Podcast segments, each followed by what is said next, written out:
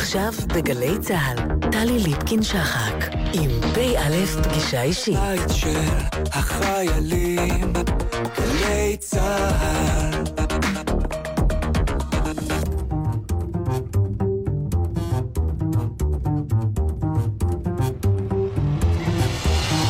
כמה דברים שאתם צריכים לדעת על הדוקטור חיים אסא. הוא נולד בשנת 1949 בגבעת שמואל, ובילדותו למד בתל אביב. בשנת 1968 התגייס להנדסה הקרבית, ולאחר מספר חודשי שירות יצא לקורס קצינים. בשנת 1970 נפצע קשה בפעולה בירדן, השתחרר ועבר שיקום ארוך. במלחמת יום הכיפורים התעקש להעלות פרופיל, גויס ולחם בחזית הדרום. הוא למד מתמטיקה לתואר ראשון, ולאחר שסיים את לימודי התואר השני בשנת 1976, חזר אסא לצה"ל, הפעם לשירות בחקר הביצועים בחיל האוויר. שם שירת עד 1986, אז פרש מצה"ל והחל לעבוד עם מפא"ת, המינהל למחקר, פיתוח אמצעי לחימה ותשתית טכנולוגית במשרד הביטחון. בשנת 1992 היה אסא חבר בצוות האסטרטגי שניהל את מערכת הבחירות של יצחק רבין לראשות הממשלה, ואחרי הבחירות שמש כראש הצוות לביטחון לאומי עד לרצח רבין. לאחר הרצח חזר לעבוד במפא"ת. לדוקטור אסא תואר ראשון במתמטיקה מהאוניברסיטה העברית, תואר שני בחקר ביצועים מהטכניון ודוקטורט בפילוסופיה מאוניברסיטת חיפה. במהלך השנים פרסם אסא מספר ספרים, ביניהם לוחמה מבוזרת העוסק בצורת הלחימה בצה"ל, מרקס וניטשה נפגשים בכיכר תחריר העוסק בטלטלות בעולם הערבי בשנים האחרונות, ולאחרונה פורסם ספרו "זרים לעצמם", שעוסק גם הוא בטלטלות בעולם הערבי. הוא מתגורר בתל אביב ולו ארבעה ילדים.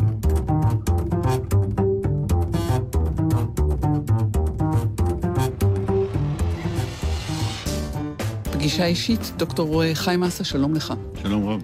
אנחנו נגיד מחבר הספר זרים לעצמם, ההיסטוריה האנושית כמהפכה תודעתית, שזאת ההזדמנות שלשמה אה, התכנסנו, אבל אם אני צריכה להגדיר אותך, אסטרטג? המושג אסטרטג לא ברור, גם לי הוא לא ברור, ואני מוכרח לומר שמי שהעניק אותו, או יצר אותו, לפי דעתי גם הוא לא הבין למה הוא אומר, קוראים לו יצחק רבין. כי היינו שניים או שלושה חבר'ה שעמדו להריץ את הקמפיין שלו, ואז אה, כל אחד הוא אמר, זה יהיה הסוקר, זה יהיה זה, וחיים האסטרטג. ואז שאלנו אותו, מה זה אסטרטג? אז הוא אומר, הוא כבר יודע. אז אמרתי, אני לא יודע. אתה תדע. במקצוע שלי, הפורמלי, אני אה, חוקר ביצועים, מתמטיקאי, מהפקולטות למתמטיקה וחקר ביצועים, ירושלים, טכניון. עשיתי גם אה, דוקטורט בפילוסופיה באוניברסיטת חיפה, ולכן מכל העיסוקים האלה, והידע הזה, והלימוד הזה, דוקטורט בשבילי זה לימוד. צורת לימוד. במקום בישיבה, באוניברסיטה, אני חושב שיצא הספר הזה. החיבור הזה של פילוסוף אה, וחוקר ביצועים מביא לספר הזה שנקרא זרים לעצמם, שמסביר את ההיסטוריה האנושית דרך מהפכה תודעתית. כן. תסביר לי את הכותרת הזאת. מדובר באמת על השלושת אלפים השנים האחרונות. רק שלושת אלפים השנים. כי אני לא זוכר uh, לפני זה. הספר הזה, הטקסט הזה, חשבתי עליו שלושים שנה. באופן עקרוני, אני מדבר על שלושת אלפים שנה, נניח מהמאה התשיעית לפני הספירה עד היום, שאני מסתכל על זה אחורה, ואני לא היסטוריון, מכל האלמנטים שישנם בספר, המקום היחידי שאני לא בעל מקצוע זה ההיסטוריה. אבל פה הסתייעתי במומחים, שישבתי איתם הרבה שעות. וראיתי דבר אחד נורא פשוט. קודם כל, דבר שכולנו יודעים, בן אדם של לפני שלושת אלפים שנה הוא לא אותו דבר כמו היום. הוא לא, לא, אפילו התודעה שלו היא לא אותה תודעה, וזה יצור אחר. והוא היחידי שהשתנה, כי פרה לא נראה לי השתנתה מי יודע מה. גם לא סוס, גם לא גמל. אנחנו השתננו.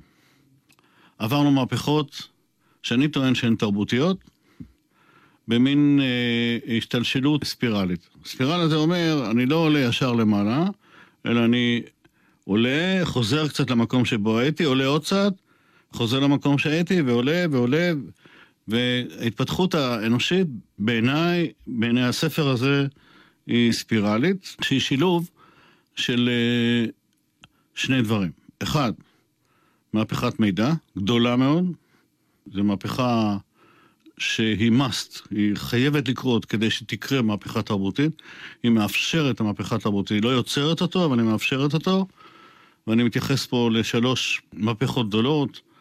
הכתב היווני שנולד במאה השמינית, שביעית לפני הספירה. מהפכה של גוטנברג במאה ה-15. שזה הדפוס. זה הדפוס, מהפכת הדפוס.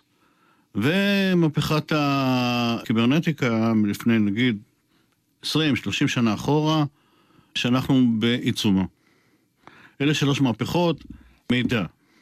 יש עוד מהפכות בדרך, באותה תקופה של כתב היווני, זה פיתגורס ואנשיו שפיתחו את המתמטיקה. מתמטיקה וגיאומטריה זה גם סוג של מהפכת מידע.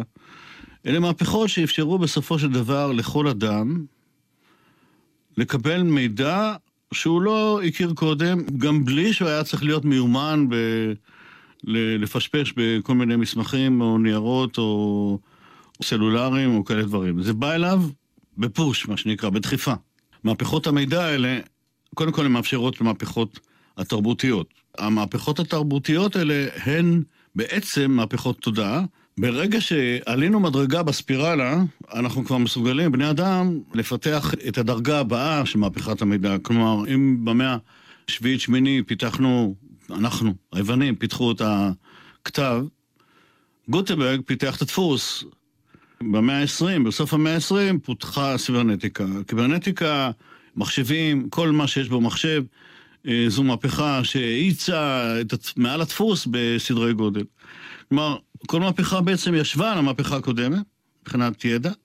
אם נתייחס רגע למהפכה של גוטנברג, אז בעצם היא יצרה היא האימא של המהפכה אה, התעשייתית, של הנאורות, שמהפכה התעשייתית הביאה בסופו של דבר לאותו, אותה יכולת ממוחשבת, שבעצם זה בעצם היסוד של הקיברנטיקה, תקשורת, זה כולל טלוויזיה, זה כולל אה, פייסבוק וכל הנטוורקס, אינטרנט, מה שרוצים.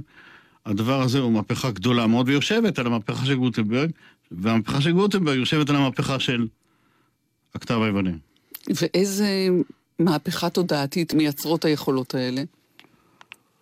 מה שהספר מתעמק בו זה מימד חדש בעיניי, שאותו ספגתי מכמה מקורות, גם מקרל מרקס, שהוא בעצם היה נושא הדוקטורט שלי, וגם מכלכלן צרפתי שקוראים לו פיקטי, תומא פיקטי, אה, הוא חי, הוא אפילו לא אדם מבוגר מאוד, שהוציא את הקפיטל במאה ה-21.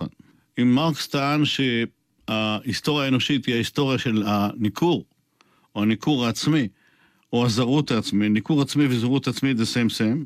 זרות עצמית יש בה משהו קצת יותר, אה, נקרא לזה, הוא יותר קרוב אליי בהבנה. ניכור זה מושג קצת בעייתי בעיניי. אז אם ההיסטוריה היא היסטוריה של הניכור העצמי, שהוא טען, ואני מסכים איתו כמובן, של אותם פרולטריון או אנשים שהם אה, חיים, החיים שלהם הם חיים דומים לחייו של חיה. הם אה, עסוקים כל הזמן בלחפש את הפתרונות לצרכים הבסיסיים ביותר שלהם, שזה מזון וקור וחום וכולי. אני הוספתי לזה, ההיסטוריה האנושית היא לא רק ההיסטוריה של הניכור העצמי, אלא ההיסטוריה של מהפכת המידע והניכור העצמי. למה?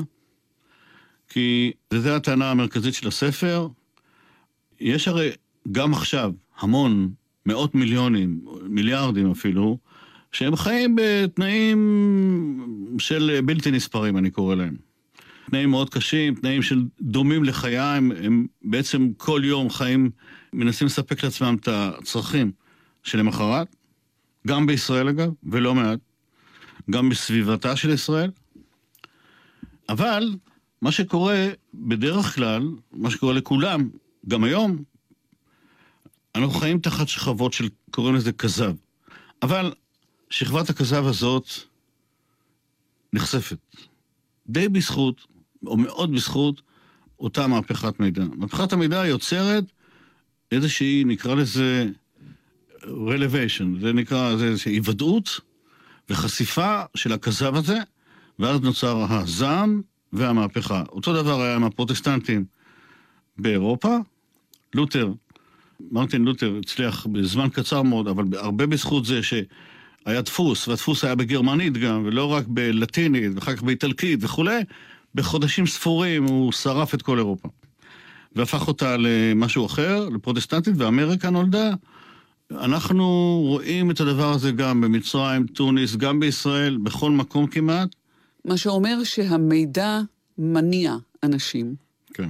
הוא חושף אותם, הם אה, נחשפים למצבם, הם נחשפים לעובדה שלמשל, מובארק הוא לא בן האלוהים, וה... או הכנסייה הקתולית במאה ה-16 הם לא בני אלוהים, והחשמנים במאה ה-16 בעקבות גוטנברג ולותר הם לא בני אלוהים, אז הם, אה, איך אומרים, מתמלאים זעם ויוצאים לצעד הבא, שהוא בדרך כלל בלתי ניתן לעצירה. זה הדבר חשוב מאוד לזכור. אלה מהפכות שקשה מאוד לעצור אותן. בדרך כלל זה גל של הרבה מאוד אנשים שלא כך יודעים מה הם רוצים. הם יודעים שהם לא רוצים את מה שעכשיו יש. אתה יודע להגיד איך זה נוצר, אתה יודע להסביר איך הגענו לכאן, אתה יודע להגיד לאן אנחנו הולכים? לאן הולכת ההיסטוריה האנושית? אני יכול להגיד רק את הדבר הבא. קודם כל, אני ממש קשה לבוא ולהגיד מה הצעד הבא מבחינה תרבותית. מה המהפכה תרבותית, פוליטית הבאה. קשה להגיד. אני חושב שבאיזשהו שלב, מאוחר מאוד, לא יודע כמה עשרות שנים מהיום, או מאות שנים מהיום, אני חושב שהמהפכות, הזמן בין המהפכות הולך ומתקצר. אני חושב שיהיו שני שינויים מהותיים. אחד, המלחמות תיראינה אחרת. הן לא תיראינה מלחמות עולם, או מה שקרה אנטינגטון בין אה, ציוויליזציות, אלא בתוך ציוויליזציות. המאבקים האלה בתוך ציוויליזציות, אנחנו רואים את הניצנים שלהם היום בעצם, וזה בעצם בין הבלתי נספרים לבעלי ההון. זה שזה בא עם כסות של אייסיס או של אה, אל-קאידה או משהו אחר, זה יהיו כסויות חדשות. אז אה, נחסל את רקה ונחסל פה, נחסל שם, אבל זה יבוא עוד פעם, יבוא שוב ושוב. זה אחד.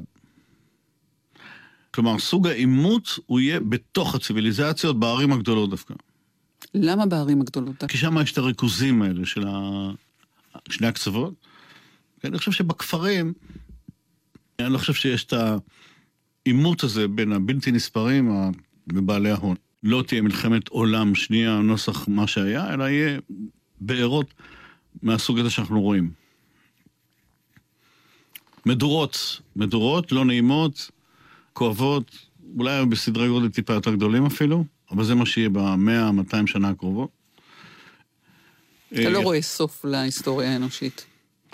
ממש לא. ודבר שני, הכי חשוב שאני רוצה להגיד, לדעתי, שהתודעה האנושית מנצחת את הטכנולוגיה. כלומר, הטכנולוגיה והמידע, מה שעכשיו הפך להיות להיט, שה... artificial intelligence, אינטליגנציה המלאכותית, תשתלט על התודעה ועל האדם, זה לא יקרה. אדם, תמיד הוא זה שיוצר את המהפכה המידעית הבאה, שאותה אני כן יכול לנסות לחזות עכשיו. יכול להיות מאוד שאני אטעה, אבל אני חושב שהמהפכה הבאה היא לא בדיוק מהפכה, אלא היא איזשהו המשך של מה שיש היום. אם היום יש הפצה של מידע בקנה מידה עצום, בזכות הרשתות, אני חושב שההפצה הבאה לא תהיה רק של מידע, אלא של ידע. כלומר, שילובים של uh, pieces of information, של חלקיקי מידע.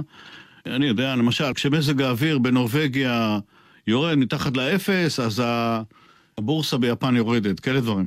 זאת אומרת, דברים שלא חוקרים יעשו אותם, אלא מערכות אוטומטיות שיעשו חיבורים ו...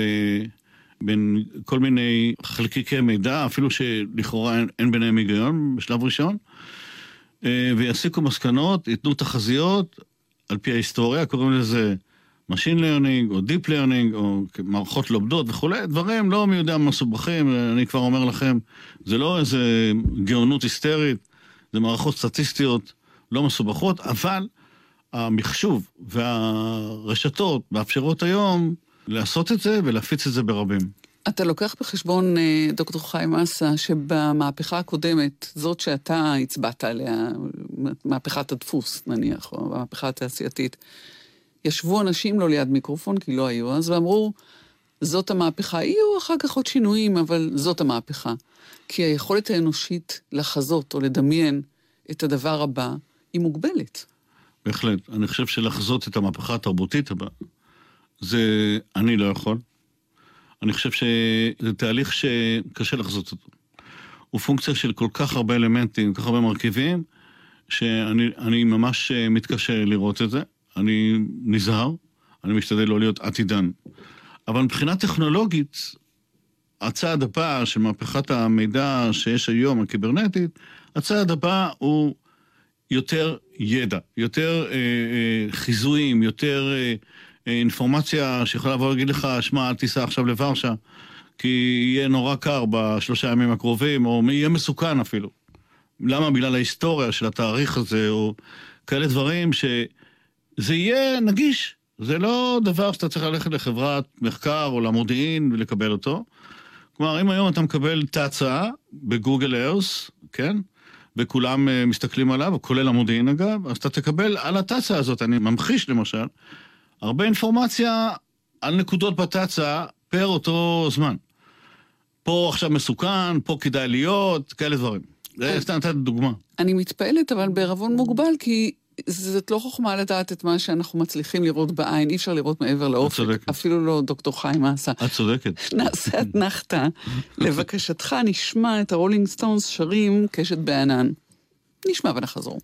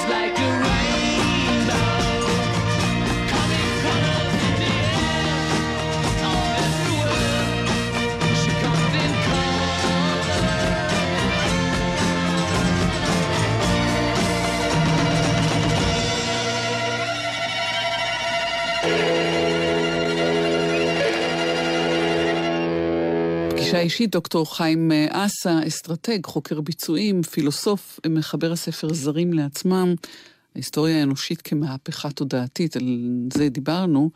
בואו נדבר קצת אה, עליך, חיים אסה, שילדותך בגבעת שמואל, תיכון חדש בתל אביב, אה, שירות בהנדסה קרבית, פציעה.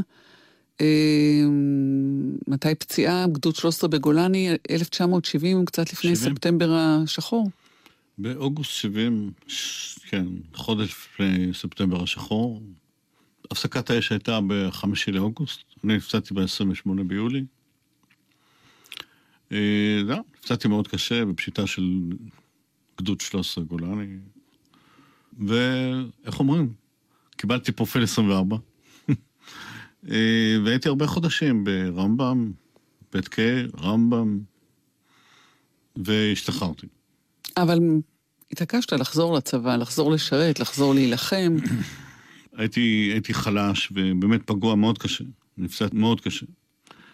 אז עשיתי בי.אם מתמטיקה, ואז פרצה פשוט מלחמת יום כיפור. גייסו את כולם מסביבי, רק אני נשארתי בבית עם החתולים, והשתגעתי. ופשוט, אני חושב שהשתגעתי. טיפסתי על הקירות, עד שבא אליי בחור בלי יד ועין, גם מהיחידה, והוא uh, אמר לי, בוא, אני מכיר איזה סגן אלוף שיגייס אותנו בטוח. לקח אותי לקריה, לסגן אלוף הזה. אמר לי, חכה רגע, נכנס אליו למשרד, יצא אחרי דקה עם עוזי, והסגן אלוף אמר לו, תרכיב את המחסנית, והמחסנית נפלה, והכדורים התפזרו, הוא לקח את העוזי, אמר לו, no way, אתה לא הולך לשום מקום.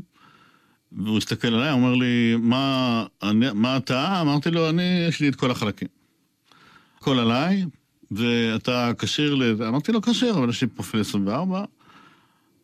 חשב, חשב, חשב, אמר לי, תשמע, יש לך שעה להעלות את זה חזרה ל-37. אז טוס לחרב, לצריפין, ואם תעלה ל-37, תחזור אליי, אני אתן לך טאסק. אני מגייס אותך. אני חושב ששברתי את השיא העולמי של פולקסווגן. הגעתי, נשכבתי לו על השולחן ועשיתי לו סצנות לרופא, לא יאמן. בסוף הוא נשבר, העלה לי 37, אמר לי, עוף מכאן לפני שאני מתחרט. וזהו, חזרתי, חזרתי ליחידה, ירדתי לטסה. הקצין שהייתי צריך להתייצב בפניו ברפידים נהרג יום לפני, והוא היה חבר טוב שלי. אה, לכן אה, כל הקצינים אמרו לי, תמשיך הלאה לטסה, והמשכתי שם. וזה לא היה קל, כי המג"ד, שהיה אחראי על סירות הגומי, אה, מג"ד, לא יודע, מותר לי להגיד את המספר של הגדוד, אני חושבת שהיום כבר אפשר. 605.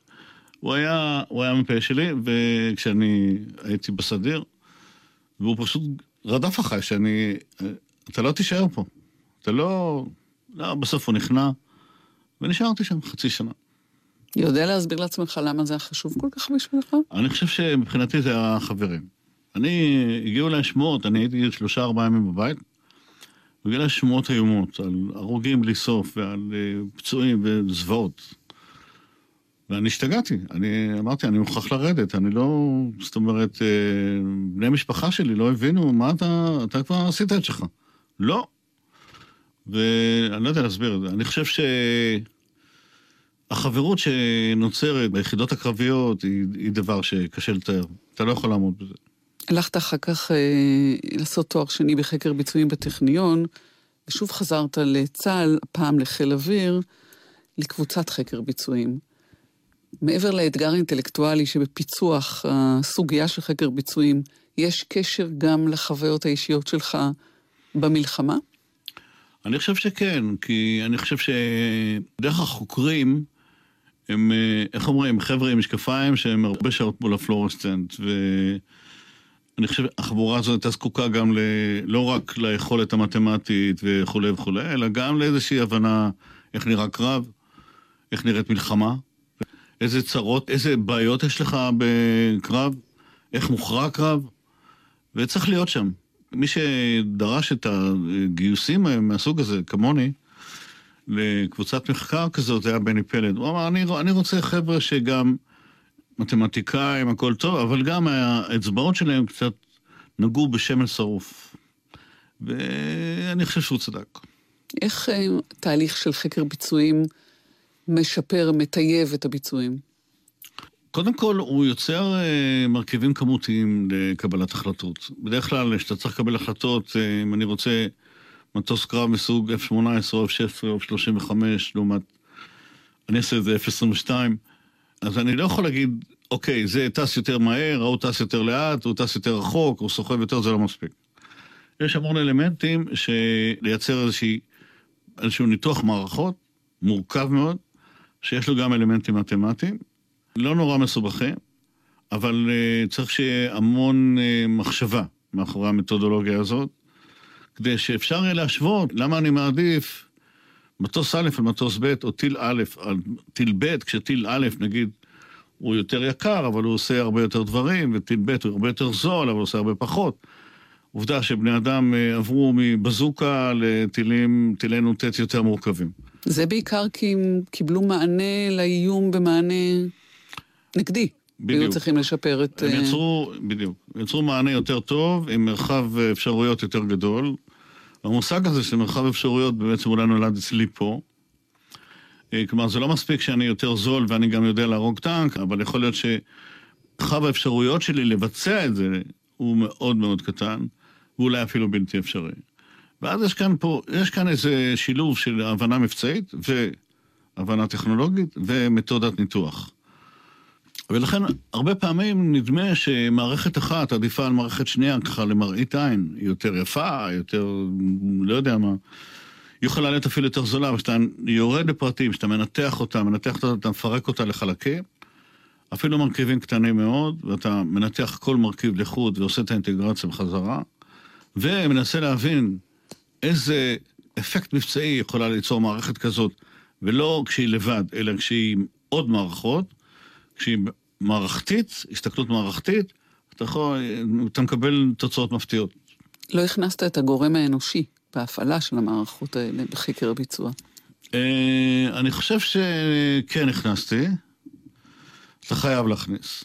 יש פחדים, יש לחץ, יש אי בהירות, יש ורטיגו לטייסים. יש אה, כל מיני דברים. יש יכולות נכון, ויש יכולות. ומגבלות. נכון. אנחנו, אני תמיד הלכתי על אה, אדם ממוצע.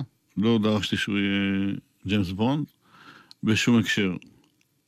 זה אחד. שתיים, בוא נגיד, אני מוכרח להודות שהיה היה לי מפקד, ראש מחלקת אמל"ח, שדרש ממני ללכת ולעשות קורס טיס. דרש. אני לא יודע אם אני יכול להגיד את שמו, אני, יכול, אני חושב שזה איתן בן אליהו. ו... ואני סירבתי. מכירה מישהו שסירב ללכת לקורס טיס? אבל לא בשביל להיות טייס. לעשות קורס טיס ולחזור לענף. היה בזה היגיון? כן. כן, אבל ידעתי ש... אמרתי לו, איתן, תשמע, אני, אני יודע, זה הכל מקרים ותגובות, תיסע. זאת אומרת, זה הרבה אינסטינקטים ומהירויות תגובה וכולי. אני כל דבר אתחיל לחשוב אם זה ככה או הפוך. אולי אפילו אני אעשה פעולה הפוכה למה שמקובל, כי אני טיפוס כזה ואני באדמה, עזוב, לא חבל לך עליי. ובסוף שכנעתי אותו, אבל לא היה קל. אבל התהליך הזה שאתה מתאר הוא התהליך הנכון לחקר ביצועים. אני חושב שכן. כמה הוא תהליך קבוצתי וכמה הוא אה, מאוד אה, סוליסטי? מה, המחקר עצמו? קודם כל, יש בתהליכי מחקר וחקר ביצועים, ולא רק בחקר ביצועים, בכל דבר יש איזה שלב חינוכי כזה. אה, שנה, שנתיים, שלוש אפילו, שגם הוותיקים לוקחים על עצמם לגדל את הצעירים. אה, לגדל את הצעירים זה אומר לייצר, להמחיש להם את מתודולוגיות, לחשוף אותם מול מחקרים, לתת להם אה, אפילו לחקור לבד ולהגיע לתוצאות יחד איתם, ולאט לאט הם גדלים. הקטע הקבוצתי הוא חשוב, משום שאנחנו עושים שגיאות. באופן אינדיבידואלי, בעיקר בנושאים האלה. זה לא להמציא עכשיו E שווה MC בריבוע, נוסח איינשטיין, גם את זה הוא לא עשה לבד, הוא עשה בקבוצה. היה לו איזה חבר איטלקי טוב ועוד איזה גברת, והם אה, חשבו ביחד. הוא לא ישב לבד בחדר חשוך ומצא, אלא גם הרבה דיבורים, הרבה דיאלוג. גם פה אין דבר שיוצא החוצה אם הוא לא עבר, נקרא לזה מין סוג של סמינר, שא', כולם קוראים מה עשית, כולם מעירים, יש דיונים בנושא הזה, יש תיקונים ועדכונים, ובסוף זה יוצא משהו שהוא, לא רוצה להגיד חוכמת המונים, אבל הוא חוכמה של אה, לפחות עשרה אנשים. אתה יכול להצביע על הישגים של חיל האוויר אה, מתוך התהליך של חקר ביצועים שעשיתם. אה, אני יכול להצביע על דבר שלא הייתי שותף לו, שזה התקיפה, תקיפת הכור. אני לא יודע כמה אפשר לדבר אני חושב שאפשר כבר לדבר, זה היה במאה ה-17 בערך. אנחנו מדברים על תקיפת הכור בעיראק, באוסיראק, על כן. יוני 81. כדי לתקוף כזה דבר, אתה צריך uh, לתכנן, ואתה צריך לתכנן כך שהסיכוי שהכור הזה ילך לכל הרוחות הוא קרוב ל-100%. לשם כך אתה צריך אה, לדאוג שהפצצות תהיינה רלוונטיות, שהסיכוי לפגוע הוא יהיה רלוונטי ואפשרי, שצורת התמרון בזמן התקיפה תהיה רלוונטית, כך שהטייסי הקרב שלוחצים על הפיקל יוכלו באמת לפגוע בסיכוי גבוה מאוד, שהפצצות ברגע שהן פוגעות הן גם יהרסו את מה שצריך להרוס, שזה לא טריוויאלי אגב. פה צריך לעשות ניתוחים אה, לא פשוטים של אה, יכולות חדירה, יכולות הרס, סיכויי פגיעה, כל הדברים האלה זה דברים שלא הולכים ככה, ב... הולכים למחסן, לוקחים שתי פצצות ונוסעים. ולכן, אתה יודע לעשות הערכה בסופו של דבר שצריך כך וכך מטוסים לתקיפה הזאת, ולא פחות, גם לא יותר. זה אחד. שתיים, אתה יודע שמאיימים על החבורה הזאת. מאיימים, אז זה אימון, נדמה לי, או SA6 אני חושב. כל התכנון הזה עושים חקר ביצועים. איך מהפכת המידע משפיעה על אה, מדע חקר הביצועים? מאוד. למעשה, הייתי אומר שאקדמית, היא הרסה את המקצוע הזה שנקרא חקר ביצועים. הייתי אומר... אה, מדוע? יש שני מקצועות שהתפתחו ב-30-40 שנה האחרונות. אחד זה חקר ביצועים אחרי מלחמת העולם השנייה. במלחמת העולם השנייה. זה סיפור מאוד מעניין, הפרופסורים שאנשי המבצעים שמו לידם, בחדר על ידם, החדר שלהם נקרא Operation Slash Research. בדואר, כשאתה צריך לשלוח להם מכתב, היה כתוב Operation Slash Research, וכך נולד השם, אמיתי, אצל הבריטים. באופן עקרוני, כל המודלים שפותחו היו מתמטיים. מה זה מודל מתמטי? מודל מתמטי זה, יש לך כמה הנחות יסוד, יש לך כמה פרמטרים, כמה משתנים, אתה עושה איזה מודל ומוציא תוצאה. אבל אין לך את התהליך עצמו.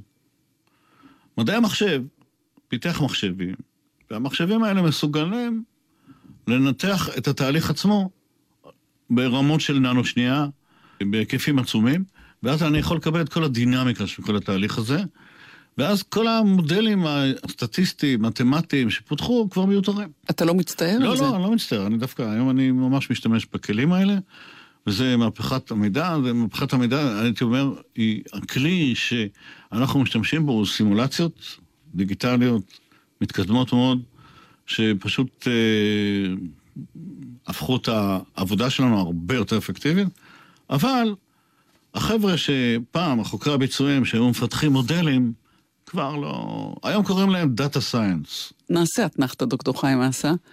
לבקשתך, דון מקלין שר וינסנט. וינסנט ואן גוך, מה הוא בשבילך? לא, Starry Night, לא יודע, יש לי צמרמורת, את רואה? נשמע ונחזור. Starry, starry night. Paint your palette blue and gray. Look out on a summer's day with eyes that know the darkness in my soul. Shadows on the hills. Sketch the trees and the daffodils. catch the breeze and the winter chills in colors on the snowy linen land.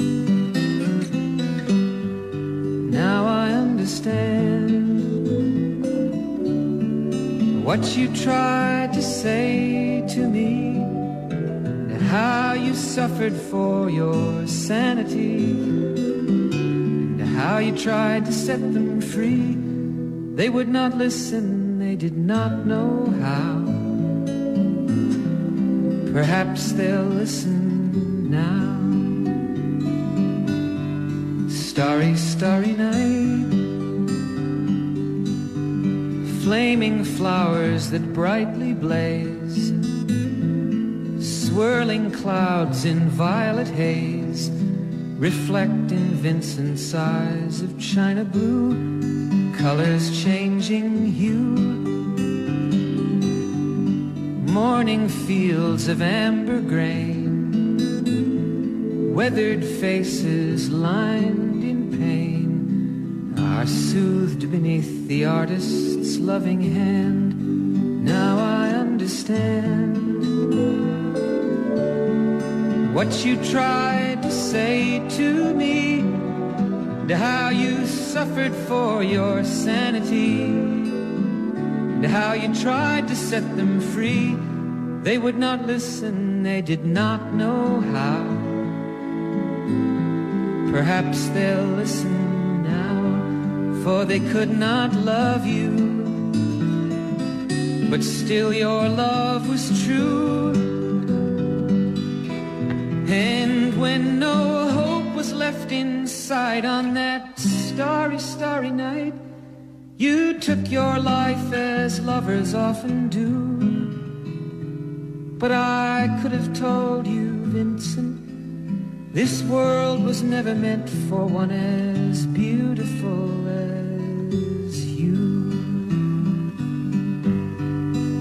Starry, starry night. Portraits hung in empty halls. Frameless heads on nameless walls. With eyes that watch the world and can't forget like the strangers that you've met. The ragged men in ragged clothes, silver thorn, a bloody rose, lie crushed and broken on the virgin snow. Now I think I know what you tried to say to me and how you suffered for your sanity and how you tried to set them free. They would not listen, they're not listening still. Perhaps they never will.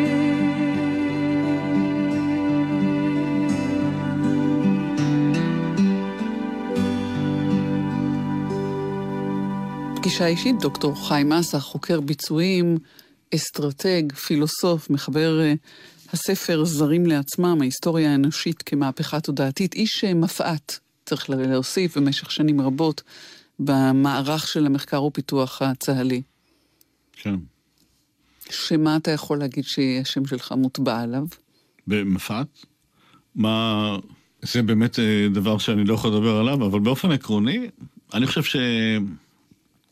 אם באתי ממערכות נשק, וחיל האוויר וכולי, אני חושב שעשיתי איזושהי, לא הסבה, כי אני עושה גם וגם במערכות אה, אינפורמציה.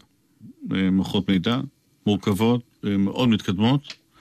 זה מה שאני, זה מלהיב אותי ב-20 שנה האחרונות.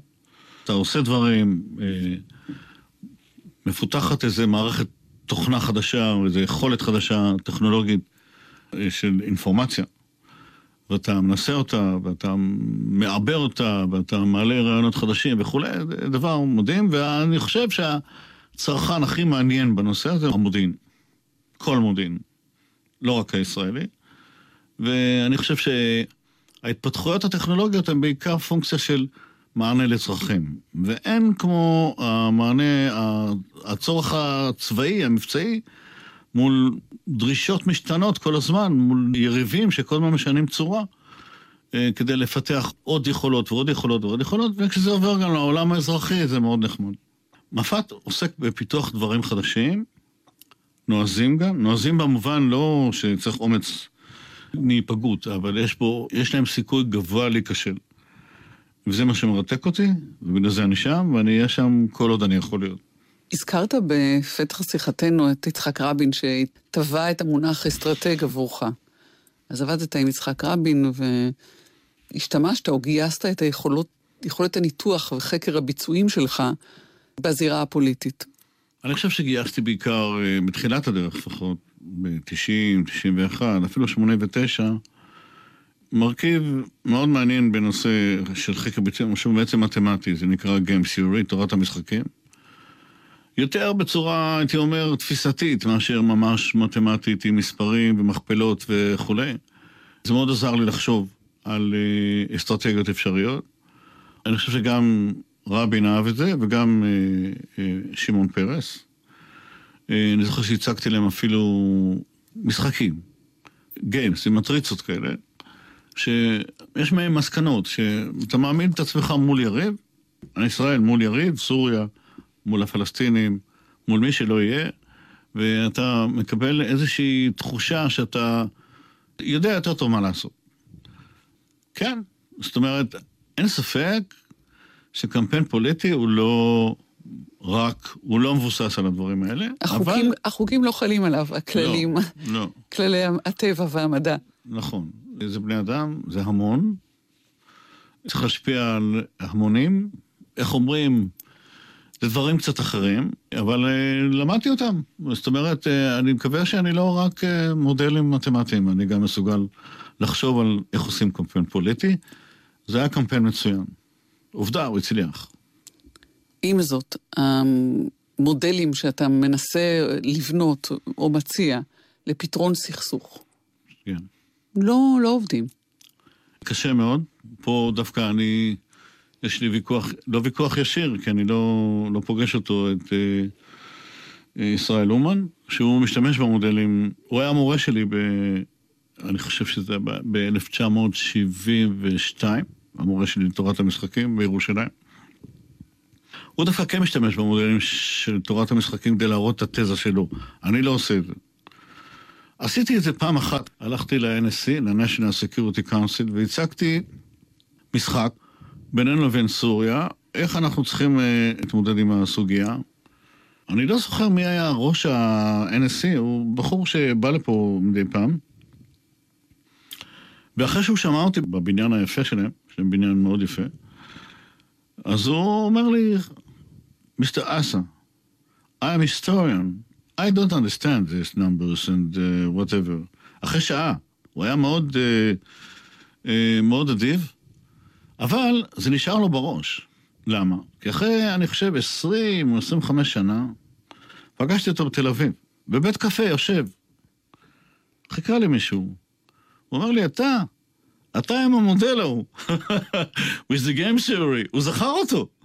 כלומר, מה, זה, זה נראה אחרת, זה איזשהו נחרט באיזשהו מקום, אבל שוב, זה לא מודלים שאתה יכול באמת לבוא ולשכנע בעזרתם, אתה, אבל לעצמך, לעצמי.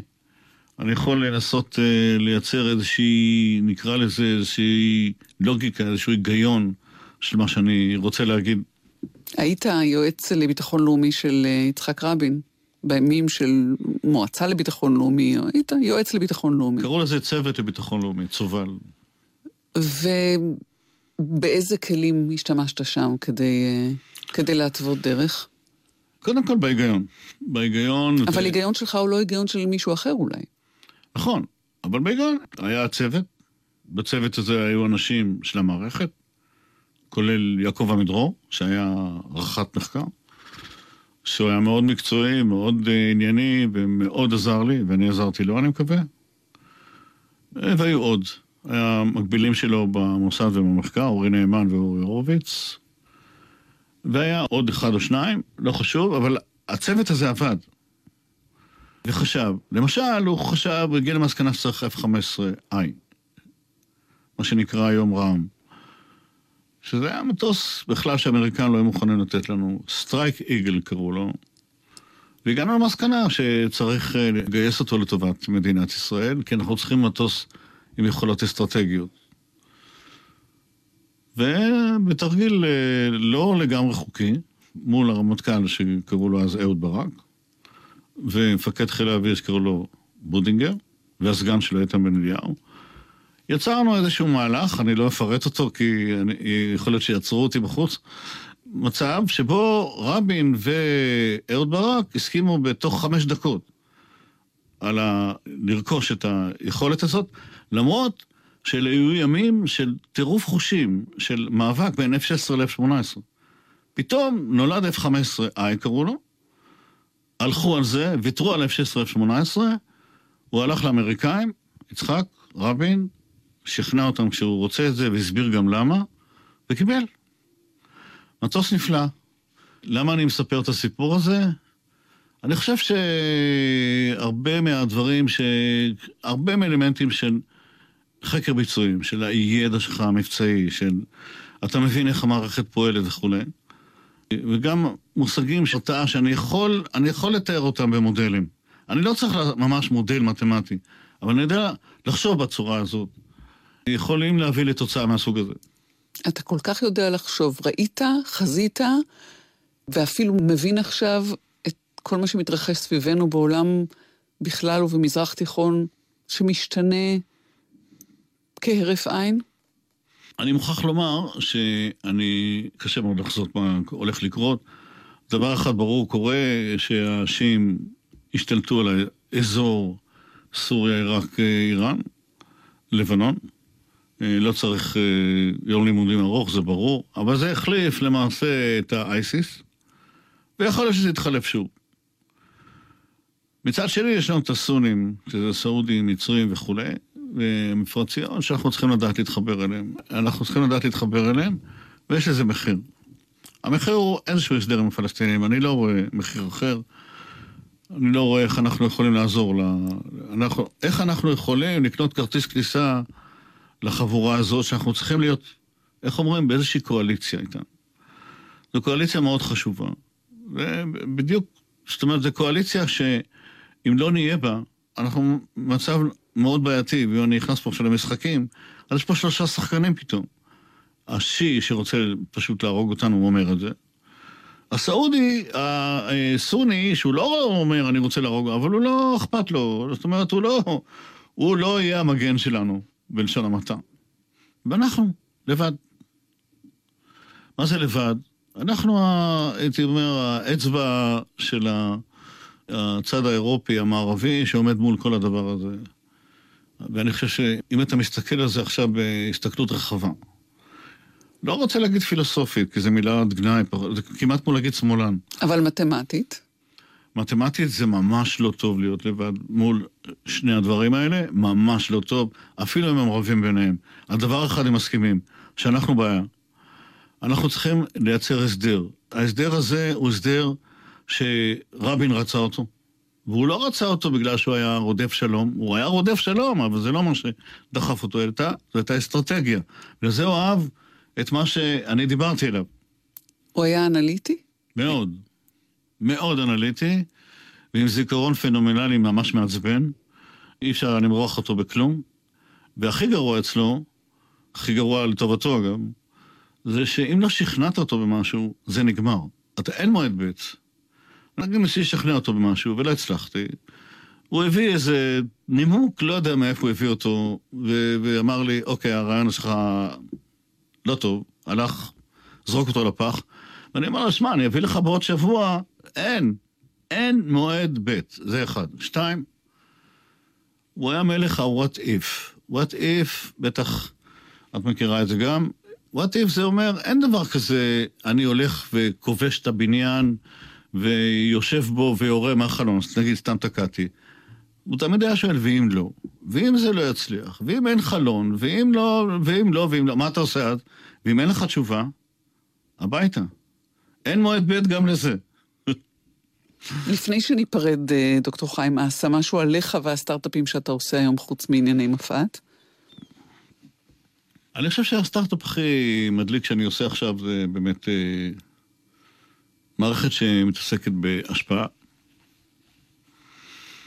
מתעסקת בהבנה של אה, תהליכים ברשתות, מודלים די מתקדמים, שמתוכם אני מנסה לחזות אה, דברים. תסביר. אני אסביר. יש היום, אה, זה הסטארט-אפ הנוכחי. הסטארט-אפ שלפניו היה ניתוח טקסט בעזרת מערכות, אה, לומדות, מה שנקרא. כלומר, מערכת שיודעת לקרוא, מחשב שקורא טקסט בערבית או צרפתית, ואומר לך, הטקסט הזה עסק בספורט, בכדורגל, באיטליה. שזה היה, נגיד, נניח לפני 15-20 שנה. הסטארט-אפ הזה, זה לוקח את היכולות האלה. ומאחר שיש עולם חדש, העולם החדש הזה זה הרשת. וברשת יש המון אינפורמציה כתובה. ואת האינפורמציה הזאת, אם אתה יודע לפתח, לנתח, ולנסות להבין תהליכים, למשל, אנטישמיות. תהליך אנטישמיות, אנטישמיות, לא אנטי-ישראל, לא ב-DS, נדבר על אנטישמיות, בפריז. אני יכול עם מערכת כזאת לנתח את עוצמת האנטישמיות בפריז עכשיו, ומחר האם יכול לבדוק אם היא עלתה או ירדה, על פי עוצמת הטקסטים ועל פי היכולות האלה. מה זה, ואני יכול לתת התראה. התראה לאלימות. אני יכול לבוא ולהגיד, ייתכן מאוד שבשבת הקרובה משהו יקרה בבית הקברות. מה, זאת מערכת שיודעת לזהות עוצמות? עוצמות לפי אופי הטקסט, כן. יודעת לשקלל אותם לפי עוצמות ולפי איזושהי התנסות קודמת של מומחים. אני לא מומחה לצרפתית למשל, או לא מומחה לערבית, אבל אה, הם יודעים להגיד, שמע, זה, אלה משפטים, ואז המכונה, גם אם זה משפט קרוב, היא יודעת לזהות את זה ולתת לך התראה ולהגיד לך, חמודי, מחר בוורשה, בלאגן. אני מתרשמת שאתה נהנה מפיתוח הסטארט-אפים האלה יותר מהשימוש בהם. אני נהנה מהפיתוח בהם, אני לא נהנה מהאפשרות שהם יעשו כסף, ועובדה שאני לא עושה. אולי אני גם מקפיד לא לעשות, כי אני רוצה את הסטארט-אפ הבא לעשות. פיתוח עצמו יותר מעניין אותי מכל השאר. דוקטור חיים אסה, אנחנו נסתפק אה, בזה הפעם, וניפרד לבקשתך, ובהמשך לדברים שאמרת על יצחק רבין, מה ביקשת? רעות? שיר הרעות. תודה לך שהיית. איתנו. נגיד תודה גם לאופק אלברט ולנחום וולברג אה, שערכו איתי והפיקו את המשדר הזה, לדניאל איתך על הביצוע הטכני, וכמובן לכם שהאזנתם לנו. אני טלי ליפקין-שחק, היו שלום.